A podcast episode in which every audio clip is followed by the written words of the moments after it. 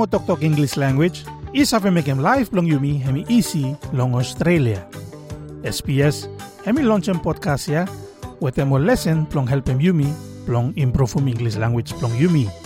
SBS Lanem English Language Podcast ya, ito plan de all activity we stop happen long everyday Australian life.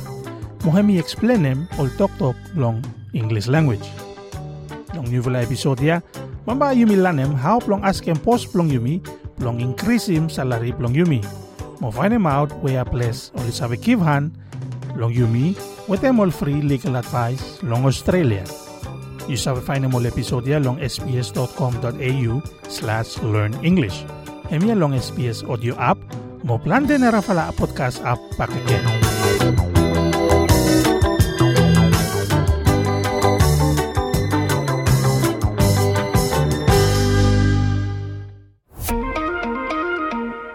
Learning English helps me to get paid more. SBS acknowledges the traditional custodians of country and their connections and continuous care for the skies, lands and waterways throughout Australia. My name is Josipa and you are listening to the SBS Learn English podcast, where today we are practicing phrases to help us negotiate our salaries. To negotiate something means to have talks and reach an agreement on something so it can be very useful to know phrases to help us negotiate our salaries because many of us have to bring home the bacon. Not that kind of bacon. To bring home the bacon is another way of saying to earn a salary, which you can then use to buy bacon. For example, you could say, I really don't feel like going to work today but someone's got to bring home the bacon. Thanks, Claire. Alan is also with us today, and the two of them will help us practice phrases we can use to negotiate our salaries. Because, let's be honest, we all want to earn more, and nobody wants to be paid peanuts. If you are being paid peanuts, it means that you are being paid very little. You have a low salary or wages.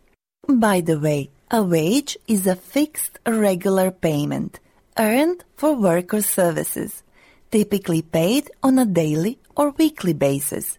While salary is also a fixed regular payment, but typically paid on a monthly basis and often expressed as an annual sum made by an employer to an employee.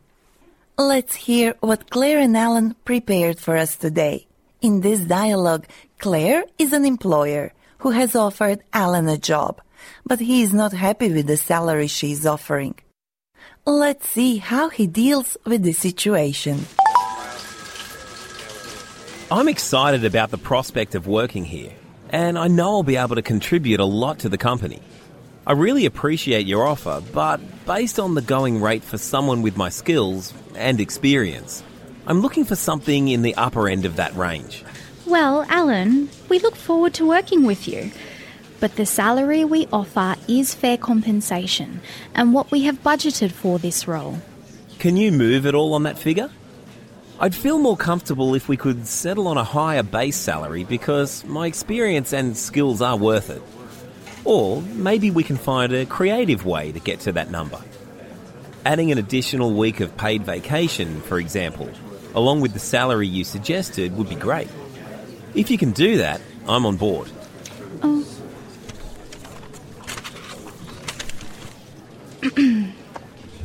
okay, Alan. Let me see what I can do. Thanks, Claire. I appreciate it. Well done, Alan. There was a moment in that dialogue where I felt he would not get what he wanted. And if you haven't understood everything they said, don't worry. We'll repeat and explain all of the phrases one by one. So let's start. Alan said he is excited about prospect of working there and he knows he'll be able to contribute a lot to the company. He also said, I really appreciate your offer, but based on the going rate for someone with my skills and experience, I'm looking for something in the upper end of that range. Based on the going rate for someone with my skills and experience, I'm looking for something in the upper end of that range. This phrase shows that Alan has come to a view of what his salary should be based on the market value. That is, on what he knows other people would pay him, and not only based on what he would like to earn.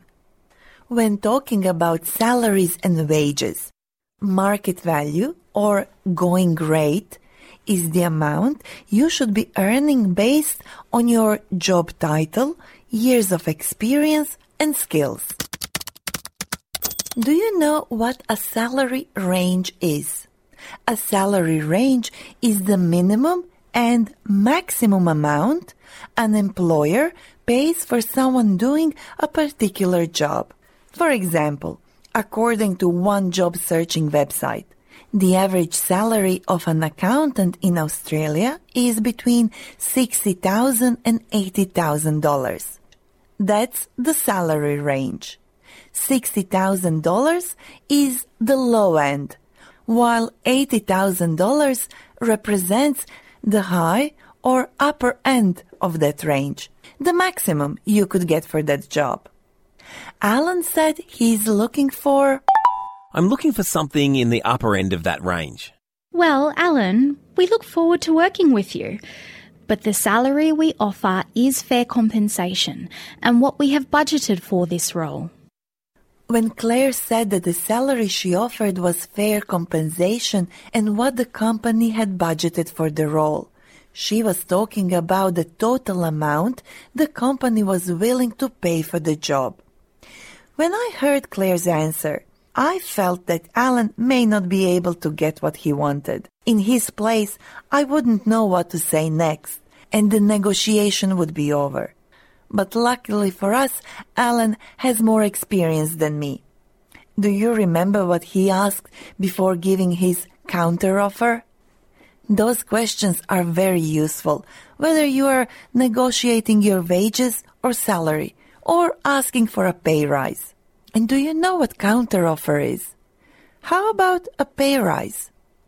If you are unsure about some of these words, or how to continue your negotiation by asking the right questions, stick with us. We'll explain it after a short break. Many factors have an impact on the amount we earn and where we fit into a salary range, like our working experience or how successful we have been in our current and past employment, because this can show off our skills. Then there is the market value, or how much other people will pay for the same type of job in the industry. Then we have our reputation, because people who come highly recommended by previous employers can easily argue for the upper end of a salary range. So it is very important that we research and prepare before we start negotiating our income. Whether we are about to start a new job or are asking for a pay rise. And this is important for two reasons. Firstly, we need to be realistic with our counteroffers. A counteroffer is an offer we make in response to an offer from our employer. And secondly, we don't want to get the short end of the stick in the deal. Getting the short end of the stick means being disadvantaged somehow, finding yourself with an outcome that is not as good as it should be. So we need to do our research and work on our confidence. And one way of doing that is by knowing what to say and what to ask. Let's learn from Alan. He said, Can you move at all on that figure? I'd feel more comfortable if we could settle on a higher base salary because my experience and skills are worth it. Or maybe we could find a creative way to get to that number. Adding an additional week of paid vacation, for example, along with the salary you suggested would be great. If you can do that, I'm on board. Alan first asked, Can you move at all on that figure? Here, Alan is asking if there is any possibility to change the salary he was offered. Another question we could use is, Is this salary up for negotiation? but if you don't want to sound too direct, you could say, Is there any room for negotiation? after these questions, it's good to say something that will show why they should consider giving you more money. You could use Alan's phrase when he said, I'd feel more comfortable if we could settle on a higher base salary. Another phrase that shows that you are confident and that you have done your research is My salary expectations are in line with my experience and qualifications. If your salary is in line with your experience and qualifications. It suits the experience and qualifications you bring to the job. But you know what? Money is not the only thing we can negotiate. We could also ask for other benefits like support for education and training, paid leave, vacation time, and so on. And that's what Alan did when he gave his counteroffer. Maybe we could find a creative way to get to that number. Adding an additional week of paid vacation, for example, along with the salary you suggested would be great. If you can do that, I'm on board. Alan's counteroffer was asking for an additional week of paid vacation. And if you're on board with something, it means you agreed to something or you have accepted it. My guest today is Martika Terpenovska, employment solicitor from the Employment Rights Legal Service in New South Wales. Hi Martika. Hi, Josipa. Thank you so much for inviting me. It's pleasure to have you. Can you please tell us what your organization does? So, ERLS, which is short for the Employment Rights Legal Service, is a free legal service for migrants and vulnerable workers in New South Wales. And we help with problems like, for example, if you're not being paid the right amount or if you've lost your job unfairly. We also help if someone has experienced bullying or sexual harassment or discrimination at their workplace. Can you give me an example of how you helped someone? Sure. So we do have plenty of success stories. For example, we had a lot of Brazilian cleaners who came to us for advice about being underpaid at work by the same employer. Almost all of these workers were on temporary visas and only spoke a little English. We provided advice to over 20 of these employees and calculated that they had collectively been underpaid almost $300,000. So we wrote letters and helped gather all the legal documents they needed to prove their case. Is low levels of English often a reason why migrants are treated unfairly in their workplace? Unfortunately, yes, this is the case, which is why there is a real need for organisations like us who help migrants with problems at work. I'll add your link to our website. But what about our listeners from other parts of Australia? Let's say Victoria, for example. Yes, absolutely. So there is help available for workers outside of New South Wales. One example that does come to mind is JobWatch, which provides free legal assistance not only to Victorian but Tasmanian and Queensland workers. Across Australia, there are around 170 community legal centres who provide free services to people experiencing financial hardship, discrimination, or some other form of disadvantage, or who are experiencing domestic or family violence. It's great to know that there is help available. But, you know, as migrants, our differences are actually our strengths. Speaking more than one language means we can communicate with more people. And settling in a new country takes determination. All these things are valuable in the workplace. Thank you so much for coming in today, Martika. Can you also help us to repeat the phrases we practiced in this episode? Of course, let's do it. See if you remember the meaning before hearing the answer. What does it mean to bring home the bacon? To bring home the bacon is another way of saying to earn a salary or wages. If you are being paid peanuts, you are. If you are being paid peanuts, you are being paid very little. We also heard plenty of useful phrases we can use to sound confident when negotiating our salaries. Now, we don't have time to repeat all of them, so make sure you visit our website sbs.com.au slash learn English.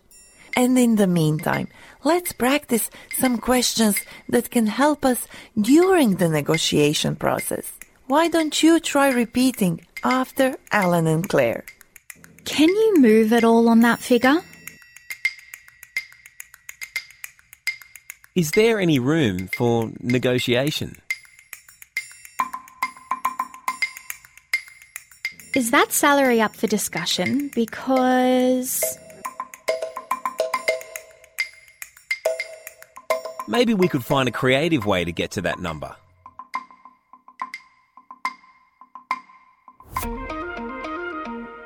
You know that we love hearing from you.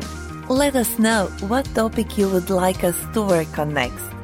You can email us at learnenglishat.com.au or reach out on Facebook. We are SBS Learn English. I'm Josipa. Thank you for learning English with me. This is an SBS Learn English podcast.